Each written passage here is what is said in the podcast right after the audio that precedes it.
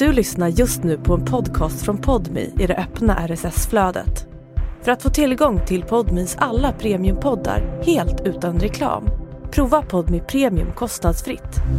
Ladda ner appen i App Store eller Google Play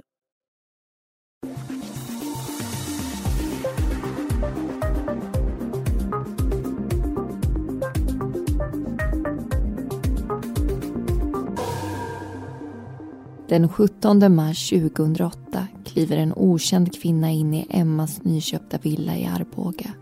En villa hon delar med sina två barn, Max och Saga och sambon Linus.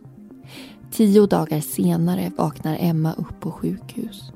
Hon får veta att hennes två barn inte längre finns i livet. Men mer information än så får hon inte.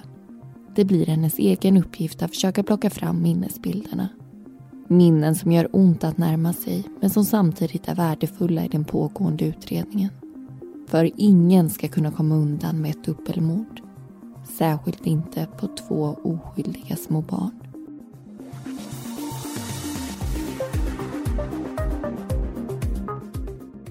Du lyssnar på Mordpodden, en podcast om den mörka verkligheten. I veckans avsnitt berättar vi om Max och Saga i Arboga.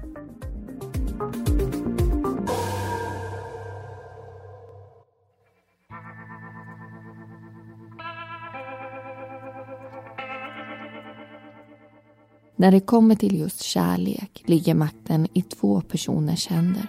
Man kan inte själv bestämma över framtiden, även om man tror att man vet hur den bör vara. För det som känns rätt för den ena kan kännas helt fel för den andra och då är det faktiskt inte rätt för någon. Det är tungt. Men när man accepterat utgången hittar man ofta nya och kanske ljusare vägar som till slut får mörkret och smärtan att tyna bort och försvinna. Det vill säga om man inte låter mörkret omfamna en totalt. Om man tror att det förflutna är den enda framtiden som finns. Frågan är inte hur den här typen av förlust kan vara smärtsam, för det är den. Men frågan är hur man kan låta den smärtan gå ut över två helt oskyldiga barn. Syskonen Max och Saga delar födelsemånad, nämligen maj. 2008 ska Max fylla fyra år och lilla syster Saga två. De är precis som andra barn. De mumsar i sig mellis, tittar på Bolibompa, busar, bråkar, leker. I år skulle de ha blivit 17 och 15. Max hade gått på gymnasium. Kanske övningskört och förmodligen längtat efter sin 18-årsdag. Saga kanske hade kört runt på moped och hängt med ett tjejgäng i högstadiets korridorer. Men det blev inte så. Och vi kommer aldrig få veta vad Max och Saga hade gjort. Hur de hade varit. Syskonparets liv hade precis börjat när det tog slut. En förälders absolut värsta mardröm. Det finns en anledning att barn nästan alltid klarar sig i filmer och tv-serier. Trots att det är på låtsas är ett barns död alldeles för hemskt för att vi ska vilja ta det till oss. Men när det sker på riktigt finns det ingen regissör eller manusförfattare som kan förhindra det. Och det fanns inte heller något som Saga, Max eller deras mamma Emma kunde göra när de fick oväntat besök i Arboga den där snöiga dagen i mars 2008. Personen som klev in hade redan bestämt sig. Linus och Emma kommer i kontakt med varandra via chatttjänsten MSN. De jobbar inom samma område och upptäcker att de har fler saker gemensamt. Deras kontakt leder till en fin vänskap. De har en skämtsam jargong samtidigt som de ställer upp för varandra när det behövs. Både med ett lyssnande öra och en hjälpande hand. Vänskapen övergår så småningom till något mer. Timingen är inte perfekt, men de blir ett par. Linus axlar rollen som bonuspappa till Emmas två barn perfekt. Han tar ansvar på en gång och följer filosofin att det är bättre att diskutera än att bråka. I slutet av januari 2008 köper de ett hus tillsammans i ett mysigt och familjärt villakvarter i Arboga. Flyttkaoset får ta plats i garaget medan själva huset görs i ordning. När man kliver in genom ytterdörren ligger en tvättstuga och toalett till vänster. Ett datarum till höger och går man längre in i villan kommer man till husets hjärta, köket.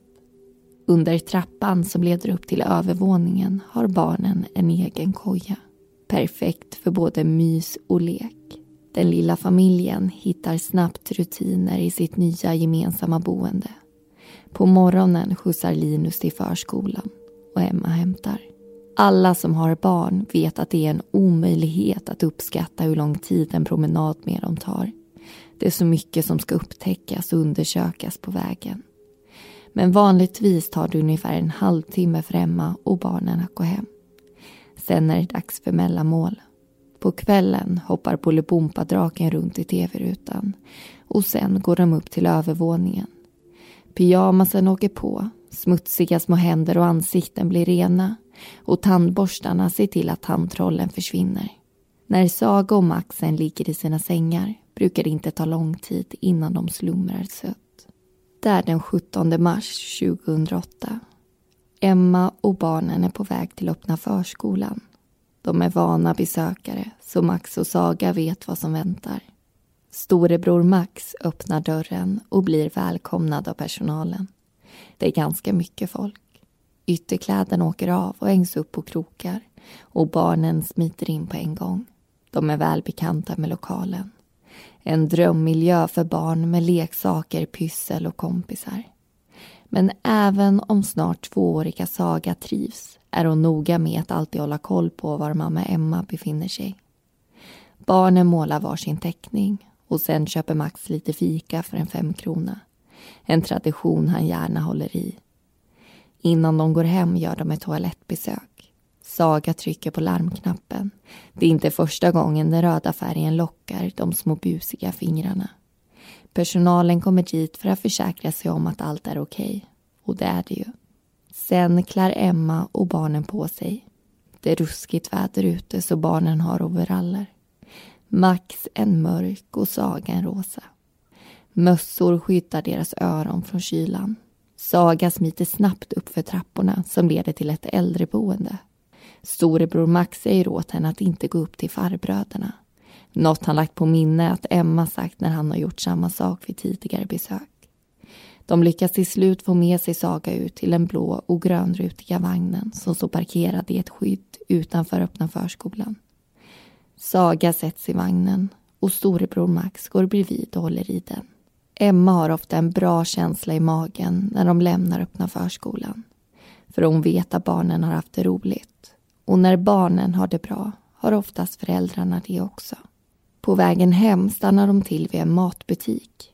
I Sagas skötväska ligger nämligen en bunt postkort som väntar på att bli skickade till nära och kära.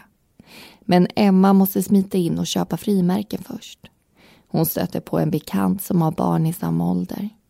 De pratar en liten stund, främst om barnen och konstaterar att de alla mår bra.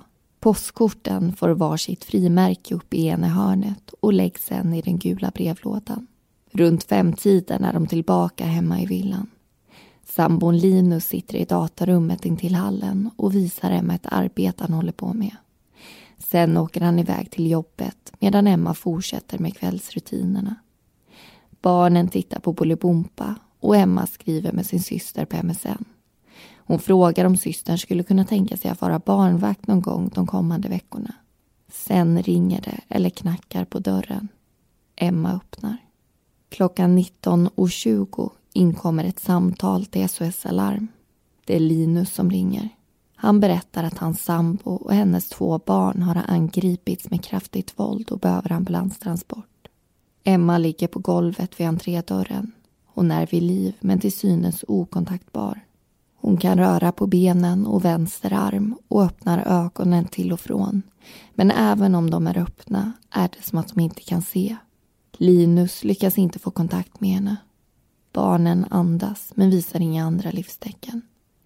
Ambulans och polis kommer snart till villan. Alla tre visar sig ha allvarliga skallskador. Och under natten kommer beskedet ingen vill höra. Max och Saga har somnat in. Att förlora en patient är aldrig enkelt. Att förlora två så unga är rent av förödande. Även utredare och kriminaltekniker påverkas starkt. Utöver sina yrkestitlar kan flera klassa sig som mamma eller pappa. Och brott som drabbar barn letar Hej, jag Ryan Reynolds. At Mint Mobile, we like to do the opposite of what Big Wireless does. They charge you a lot, we charge you a little. So naturally, when they announced they'd be raising their prices due to inflation, we decided to deflate our prices due to not hating you. That's right. We're cutting the price of Mint Unlimited from $30 a month to just $15 a month. Give it a try at mintmobile.com slash switch. $45 upfront for three months plus taxes and fees. Promote for new customers for limited time. Unlimited more than 40 gigabytes per month. Slows. Full terms at mintmobile.com. sig lätt in i ens hjärta. Emma körs vidare med ambulanshelikopter till Uppsala Akademiska sjukhus där hon placeras i respirator. Hon hålls nedkövd i tio dagar och när hon vaknar har hon ingen aning om vad som har hänt och hon får inte heller veta något. Tidningar, tv-apparater, internet, allting som kan ge henne någon form av information hålls hon avskärmad ifrån. Hennes vänner och familj är också instruerade att inte tala om varför hon vårdats för skadorna och inte heller svara på hennes frågor. Det beror på att man inte vill riskera att yttre faktorer påverkar Emmas minnesbilder och vittnesmål. I väntan på att minnet ska komma tillbaka hålls hon därför isolerad från källor. Hon får i ett tidigt skede veta att barnen inte finns mer men hon får inte veta vad som har hänt dem. Dagen efter mordet får familjens nära och kära kort i sina brevlådor. Det är en bild på Max och Saga. Glad påsk, står det.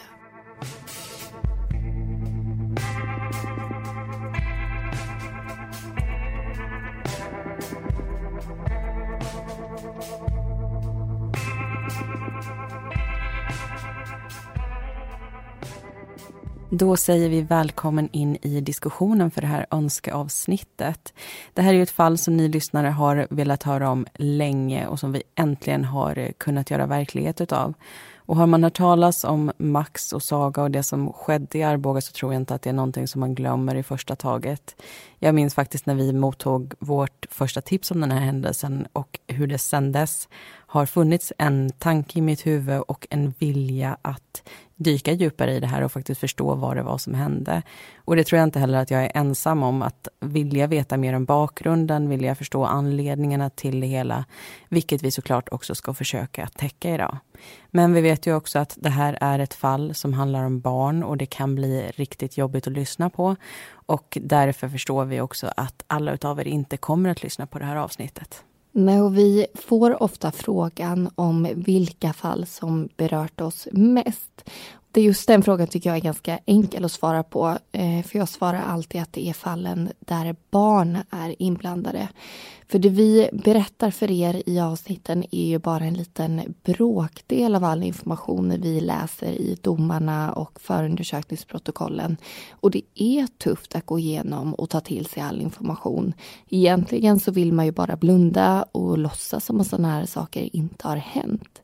Men när jag får en sån tanke så tänker jag sen direkt på de anhöriga. För om jag tycker att det här är jobbigt att läsa om, hur jobbigt måste det inte vara för dem då att faktiskt ha upplevt det här? Det är såklart inte ens jämförbart. Och de kan inte blunda, de kan inte låtsas som att det här inte har hänt. De måste leva med det. Och även om det är tufft att både skriva och lyssna så är det viktigt att även de här historierna berättas så att de här barnen inte glöms bort. För de anhöriga glömmer ju aldrig och då tycker jag inte att vi ska göra det heller. Och vi försöker ju hålla oss informativa i diskussionen och förmedla mycket fakta som har med fallen att göra. Men i just det här fallet så är det svårt att lägga de egna känslorna bara åt sidan och bara se till faktan. För det är ju så mycket som man känner, det är så mycket som man tänker och tycker och det är svårt att hålla för sig själv. Och så är det ju egentligen alltid att den här objektiva journalisten, den existerar ju egentligen inte. Alltså man kan och man bör självklart göra sitt bästa för att lyfta båda sidorna av det man berättar. Att inte försöka blanda in sina egna värderingar, sina egna tankar. Men oavsett hur insiktsfull man är så är man ju ingen robot. Och både du och jag, Amanda, vi tycker, vi tänker, vi känner väldigt mycket för alla fall vi tar upp. Och precis som du sa, särskilt väldigt mycket när det är just våld som drabbar barn. Och det här är ju ett sånt fall där det fastnar mer än andra fall gör, att det, det går rakt in i hjärtat. Ja, och det är svårt att hålla såna här tankar och känslor för sig själv. Samtidigt som jag också tycker att det är svårt att sätta ord på det man känner. Man vill säga så himla mycket, men det är svårt att veta vad man ska säga. Jag har ju själv två barn i precis samma åldrar som Max och Saga och jag kan inte ens närma mig tanken på att det som hände dem skulle hända mina barn. Men Max och Saga och Emma hade ju ingenting med gärningspersonen att göra egentligen. Och det innebär ju att det här faktiskt skulle kunna hända vem som helst egentligen. Precis som du säger så är det ju så att barnen och Emma de kände ju inte gärningspersonen för fem öre. Eh, och det ska vi säga, det är väldigt ovanligt. Så först när det här fallet eller det här brottet uppmärksammas så riktas ju misstankarna automatiskt mot barnens pappa. Och han anhålls i sin frånvaro redan på kvällen den 17 mars och han eh, grips samma kväll också i Motala. Men han har ju ett alibi som också går att bevisa. Han har nämligen befunnit sig i Motala när de här brotten begicks, han kan ju omöjligt vara gärningspersonen, vilket polisen snart förstår. Och han stryks därmed från utredningen. Dock så tar det ju lite tid, vilket han har varit kritisk till i efterhand. Och jag förstår polisen, det är viktigt att vara noggrann, särskilt i sådana här fall. Eh, men när man ser tillbaka på det och man ser en pappa som precis har förlorat sina två stycken barn, själv blir misstänkt och får motta det här beskedet i den vevan.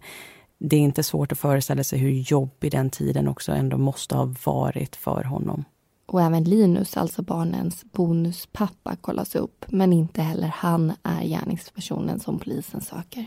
Och när de har strukit båda de här männen från listan så pekar ju snabbt misstankarna åt ett helt annat håll. Och det är ju nämligen en kvinna från Tyskland, Kristin. Det finns tecken som tyder på att hon har befunnit sig i Arboga när de här morden begicks. Och eh, den 29 mars så häktas hon i sin frånvaro. Och när Emma vaknar upp på sjukhuset så får hon alltså inte veta vad det är som har hänt. Hon får veta att hennes barn inte längre finns, men inte varför och inte heller varför hon själv vårdas på sjukhus. Och hon har blivit utsatt för kraftigt våld mot huvudet så hon kommer till en början inte ihåg någonting alls. Man förstår såklart anledningen till att hon inte får någon information för blir hon påverkad av yttre faktorer försvagas ju hennes vittnesmål och hon kan få tillbaka felaktiga minnesbilder. Men samtidigt så måste ju det här vara en fruktansvärd situation att inte ens få veta vad som har hänt sina barn. Och hur, tänker jag, ska man kunna bearbeta någonting när man inte vet vad det är man har att bearbeta? Jag tror att det var säkert en av de mest jobbiga sakerna. Så här i efterhand, om man själv hade blivit utsatt för ett brott och man fick se tillbaka på det eh, och man visste om hur polisens rutiner fungerar, varför de arbetar på ett visst sätt och man inser att man själv kanske är skillnaden mellan en fällande dom och en friande så tror jag ändå att många i den situationen hade valt att gå igenom det även om det är jobbigt. Men där och då är det såklart ingen som vill det. Och ingen vill ju heller se en barnmördare släppas.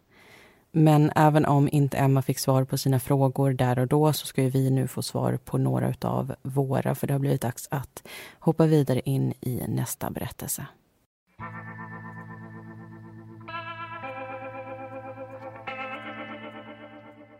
Emma har vaknat upp på sjukhuset men har ingen aning om vad som har hänt. För att ta reda på det måste vi backa i tiden. Närmare bestämt till sommaren 2006. Linus är på semesterresa på Kreta. Han och Emma har ännu inte blivit ett par. På den grekiska semesterön får han upp ögonen för en annan turist, nämligen tyska Kristin. Men semesterflörten blir något mer. Kristin blir djupt förälskad i Linus. En förälskelse som senare skulle utvecklas till en besatthet. Men det har inte Linus en aning om. Han vet bara att han gillar Kristin och att han gärna träffar henne igen. Så de byter kontaktuppgifter och bestämmer att de ska ses i Sverige. Sagt och gjort. I november 2006 sätter sig Kristin på flyget till vårt avlånga land och åker till Arboga där Linus bor. Men det blir inte riktigt som Linus hoppats på. Fjärilarna i magen som fanns på Kreta hade inte följt med till Sverige. Det känns udda, lite obekvämt. Det tar inte lång tid innan han förstår att det här inte kommer fungera. De är inte rätt för varandra. Förmodligen var semesterflörten bara just en semesterflört. Kristin delar dock inte den bilden. Hon tycker fortfarande att allt känns bra och tror förmodligen att hon har sin livs kärlek där framför sig i lägenheten i Arboga. Även om de enligt egna uppgifter såg olika på relationen och hur väl de trivdes i varandras sällskap bokade de in en ny träff i mitten av december. Kristin är intresserad av svensk historia och mytologi så under det här besöket fokuserar de på just det. De går till turistbyrån i Arboga och får där en karta med inringade fornlämningar och vägbeskrivningar dit. Kristin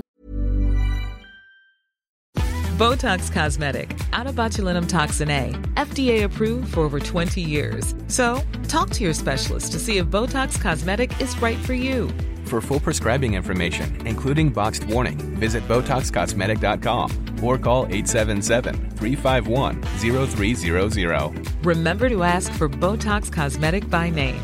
To see for yourself and learn more, visit BotoxCosmetic.com. That's BotoxCosmetic.com. är särskilt intresserad av kung Sigges sten. En sten som restes av två Götlundabönder för ungefär tusen år sedan. De letar i flera timmar men lyckas ändå inte hitta den. Dagen därpå gör Kristin ett nytt försök på egen hand men lyckan uteblir även då. Förutom fornlämningar pratar också Linus och Kristin om huruvida deras relation skulle kunna utvecklas till ett mer fast förhållande. Linus är säker på att det inte kommer fungera i längden men säger inte det där och då. Han skjutsar Kristin till Skavsta flygplats. I hans huvud är det sista gången de ses. Kristin tror och hoppas förmodligen någonting helt annat. I början av 2007 skickar Linus ett sms där han förklarar hur han känner. Han vill avbryta relationen. I februari får han ett brev av Kristin. Det är starka känslor och reaktioner som beskrivs. Hon skriver bland annat att hon inte kunnat sova utan har kräkts halva natten och att hon är chockad över att hon tillät sig att bli så djupt engagerad i Linus och att hon definitivt har tappat all sin tro på människan. Linus förklarar för henne att han inte vill att de ska träffas mer och inte heller att de ska komma till Sverige och besöka honom. Men de bestämmer sig till slut för att ändå ses en sista gång så de kan avsluta relationen öga mot öga. Kristin åker därför återigen till Sverige och Arboga. Båda två menar att det var ett odramatiskt möte utan speciellt starka känslor. Men det skulle visa sig att Kristin absolut inte kommit över separationen, även om det kanske verkade så. Tvärtom. När det går upp för henne att Linus verkligen vill avsluta deras relation utvecklas känslorna inombords till en besatthet som tar över hela hennes värld. Det går så långt att hon försöker ta sitt eget liv. Hon kontaktar Linus som kommer och hämtar henne och låter henne övernatta på soffan i hans lägenhet. Kristin berättar att deras uppbrott är anledningen till att hon mår så dåligt och att hon inte längre vill leva. Men hon får inte den reaktion hon hoppats på från Linus. Hon tycker att han inte visar tillräcklig medkänsla för henne och det som hänt. Linus är inte bekväm med situationen och känner att han måste få iväg Kristin till Tyskland. Hon måste få hjälp där, inte här hos honom. Tillsammans med en av hennes vänner planerar han hennes hemresa. Han skjutsar Kristin till Arlanda och säger hej då. Men senare samma kväll får han ett samtal från hennes vän i Tyskland. Vännen berättar att Kristin inte var med på planet som landade. Men nästa dag anländer hon och på uppmaning av sina vänner skrivs hon in på en psykiatrisk klinik där hon stannar i tre veckor. I maj 2007 dimper det återigen ner ett mejl från Kristin i Linus inkorg. Den här gången avslöjar hon den stora nyheten att hon bestämt sig för att flytta till Stockholm. Hon ska studera svenska och nordisk historia. Linus svarar inte på det mejlet men Kristin verkar fortfarande inte gett upp hoppet om dem trots att han varit tydlig med att relationen sedan länge varit slut i hans ögon. I juni flyttar hon mycket riktigt till Sverige och i samma veva blir Emma och Linus ett par. Han vill inte ha något med Kristin att göra. Ändå fortsätter hon att skriva. Hon hävdar att hon fortfarande mår dåligt och att hon är trött på universitetslivet i huvudstaden. Linus förklarar att hon måste lämna honom i fred. Han har familj nu, en flickvän och två bonusbarn som han älskar. Han vill vara med dem. I en dagboksanteckning som Kristin skrivit på Linus födelsedag står det bland annat så här. Jag fattade inte. Jag hade en masterplan. Den var lysande och jag vet inte varför jag sitter här på ett svenskt sjukhus och får transfusioner med kallt svenskt blod. Kristin hade återigen försökt ta sitt liv. Tiden går. Linus och Emma flyttar ihop i villan i Arboga och skapar sina gemensamma vardagsrutiner. I mars 2008 gör en granne till dem en mystisk upptäckt. Hon har precis hämtat hem den äldsta dottern från sin ritning. De hade stannat och handlat på vägen och är hemma någon gång strax före sju på kvällen. Dottern springer in i huset medan mamman plockar ihop saker från bilen. Hon iakttar då en person mitt för garageuppfarten till huset tvärs över gatan. Personen har en speciell gångstil. Hen går långsamt och ostadigt på något vis utan att för den delen vingla. Axlarna är framskjutna och kroppen aningen ihopsjunken. Personen bär en mörk jacka med uppfälld luva. Det går inte att se om det är en man eller kvinna. Grannen uppfattar hela situationen som märklig. När hon låser bilen tutar den till. Ljudet får den mörklädda personen att reagera. Den ser sig om och går vidare längs gatan för att sen vika in på uppfarten ett hus längre upp. Med stor sannolikhet var det Kristin grannen såg.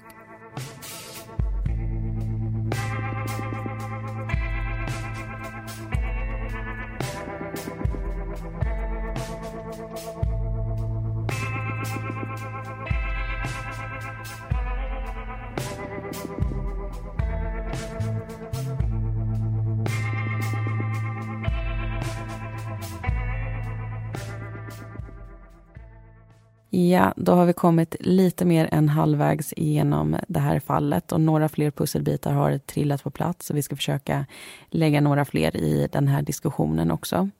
Vi har ju alltså fått veta lite mer om Linus och också Kristin. Det börjar ju som en semesterflört mellan dem. Kristin vill ha ut någonting mer utav det men när de träffas i Sverige så kände Linus nästan på en gång att det inte skulle funka i längden.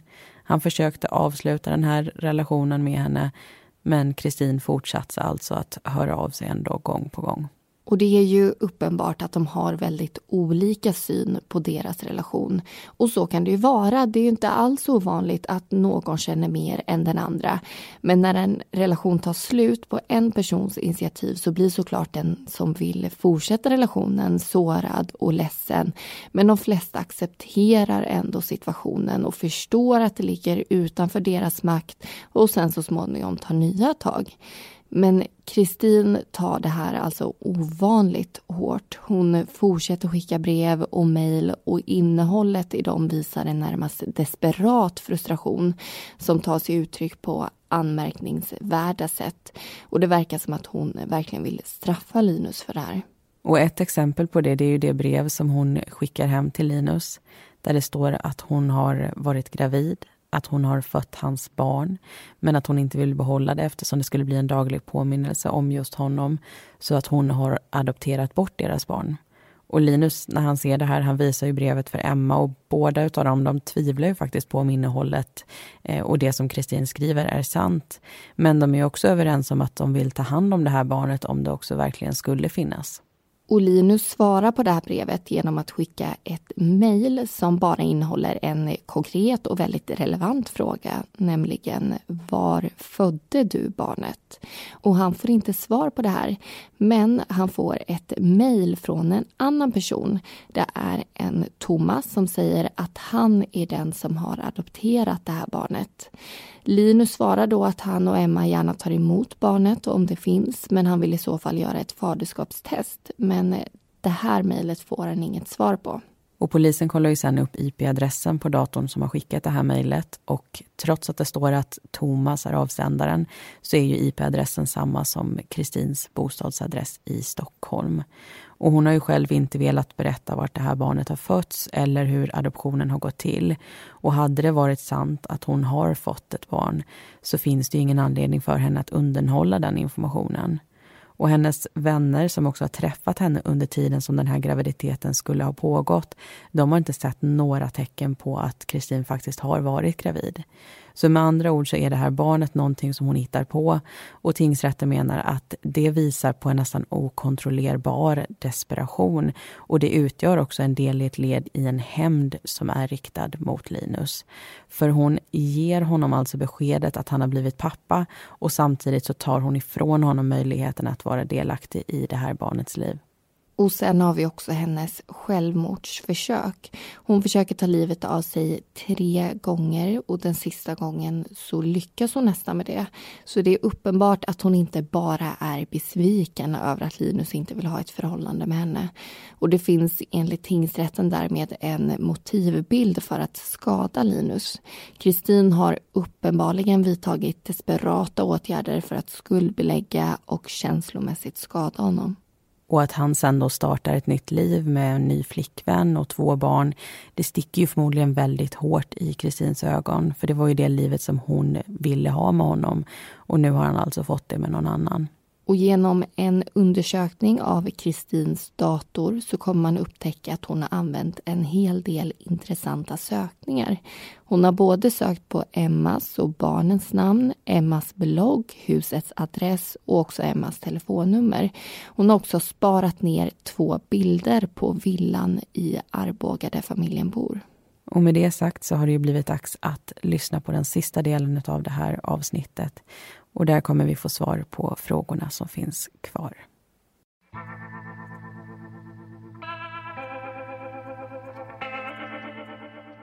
Den 1 april 2008 förhörs Emma för första gången.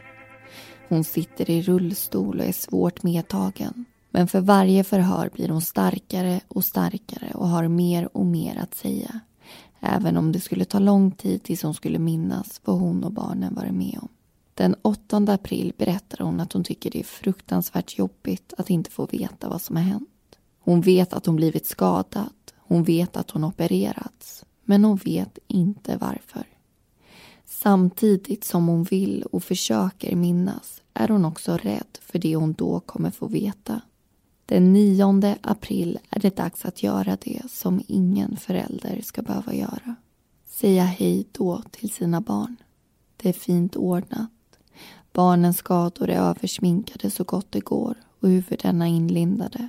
Men det blir ändå såklart en stor chock för Emma. Det känns inte som att det är Max och Saga som ligger där. De har inte ens sina egna kläder på sig. I det här skedet vet fortfarande inte Emma vad som har hänt. Hon förstår att de har skadat sina huvuden. Men på vilket sätt? Det sista minnet Emma har från barnen är att de lever och har det bra där hemma. Och fortfarande kan ingen berätta varför det inte är så längre. Den 10 april berättar Emma att hon fortfarande inte kommer ihåg vad som har hänt. Men däremot förknippar hon det nu med huset. Hon säger att hon vet att hon skyddade sig genom att dra upp ben och armar och krypa ihop till en boll. Och hon får en känsla av att det här hände i hallen. Emma flyttar tillfälligt till ett skyddat boende. Hela tiden är hon avskärmad från media och andra informationskanaler. Men minnena smyger sig tillbaka och hon berättar snart att hon minns en kvinna och att hon själv låg ner. Den 26 april får hon lämna det skyddande boendet och äntligen ska hon få lite svar på sina frågor. Hon får veta att barnens pappa tillfälligt varit häktad och att mordvapnet troligtvis var en hammare. Den 1 maj är det för första gången dags för Emma att återvända till platsen där allting hände. Till villan i Arboga. Huset kanske kan få henne att minnas ännu mer. Förhörsledaren förvarnar henne om att hallen är täckt med papper. Teknikerna är fortfarande inte klara så de måste ha kvar pappret för att skydda eventuella spår.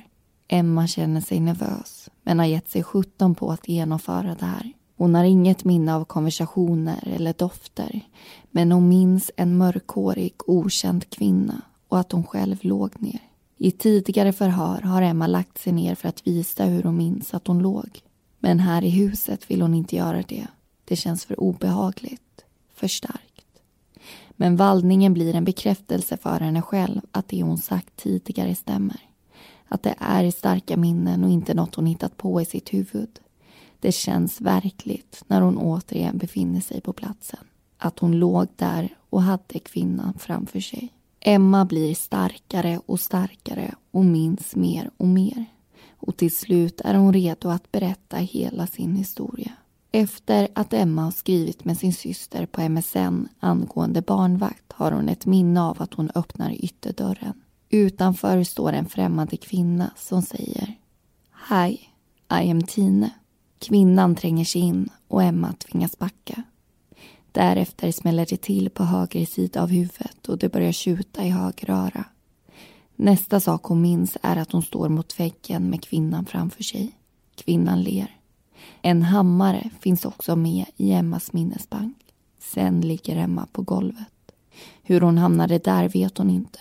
Men hon ligger konstigt och det gör ont. När hon öppnar ögonen ser hon kvinnan gå in i datarummet. På fötterna har hon vita strumpor. Sen blir det svart. Nästa minnesbild är att hennes mamma ropar Emma, vi finns här för dig. Hon hör också någon säga att hennes hår måste rakas av. Hennes signalement av kvinnan i hallen stämmer överens med Kristins utseende. Emma är själv säker på att hennes minnesbilder överensstämmer med vad som faktiskt har inträffat och att hon känner igen Kristin som kvinnan som trängdes in i villan. Men eftersom hon drabbats av en allvarlig skallskada och varit nedsövd under tio dagar väger inte hennes historia så tungt i rättegången som man skulle önska. Ingen tvivlar på eller ifrågasätter Emmas trovärdighet. Hon talar sanning. Men det finns ändå en risk att skallskadan spelar henne ett spratt och därför anser tingsrätten att de inte bör lägga stor vikt vid hennes historia. Men som tur är finns det flera omständigheter som pekar mot att Kristin är gärningspersonen. Först och främst har hon ett motiv. Hon har tidigare tagit till drastiska åtgärder för att förstöra för Linus och att ta ifrån honom hans familj skulle kunna vara det ultimata straffet. Kristin ljuger dessutom i förhör vilket rimligtvis betyder att hon har någonting att dölja. Bland annat varför hon befann sig i Arboga vid mordtillfället. Enligt henne var hon där för att leta efter kung Sigges sten som hon inte lyckades hitta när hon var där med Linus. Men hon tillbringade alldeles för lite tid i Arboga för att hinna gå från stationen till fornlämningarna och sen tillbaka igen. Hennes kläder är också en detalj hon ljuger om. Själv säger hon att hon hade beiga kläder på sig. Men övervakningsfilmer från tågstationen visar att hon var klädd i svart. Vilket också grannen till Linus och Emma sagt att den okända mystiska personen haft på sig som hon såg smyga omkring utanför. Sen har vi mordvapnet. Det var med största sannolikhet en hammare.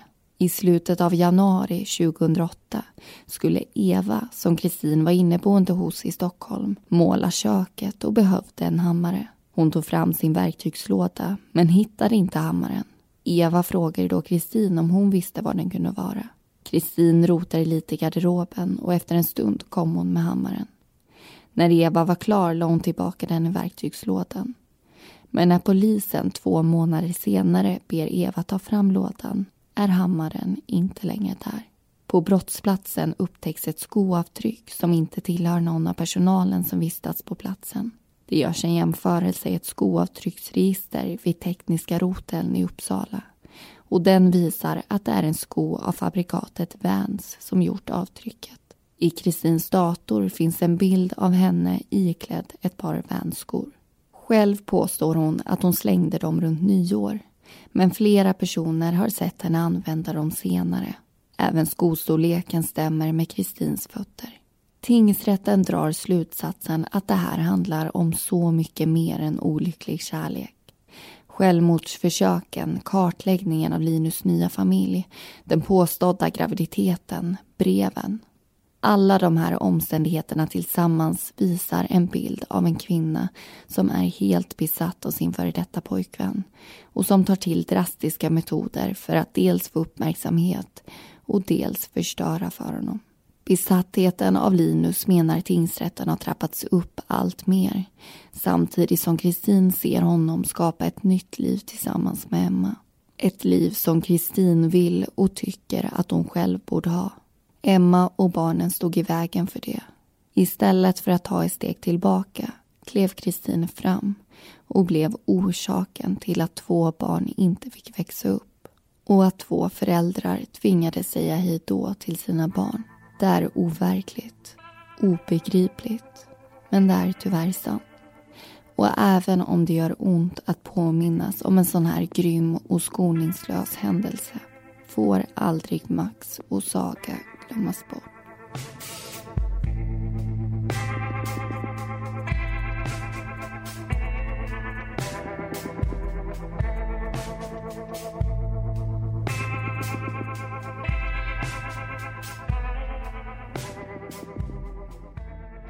Kristin dömdes till livstidsfängelse och utvisning av både tingsrätt och hovrätt. Och det var allting vi hade att berätta om Max och Saga i Arboga. Linus och Eva heter egentligen någonting annat och informationen är hämtad från domarna i fallet och förundersökningsprotokollet.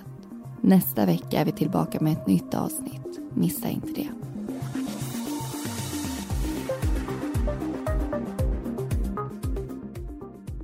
Du har lyssnat på Mordpodden. Vi som har producerat den heter Amanda Karlsson och Linnea Bolin. Bakgrundsmusiken var bland annat Soaring av Kevin MacLeod och Deep Space av Audionautics.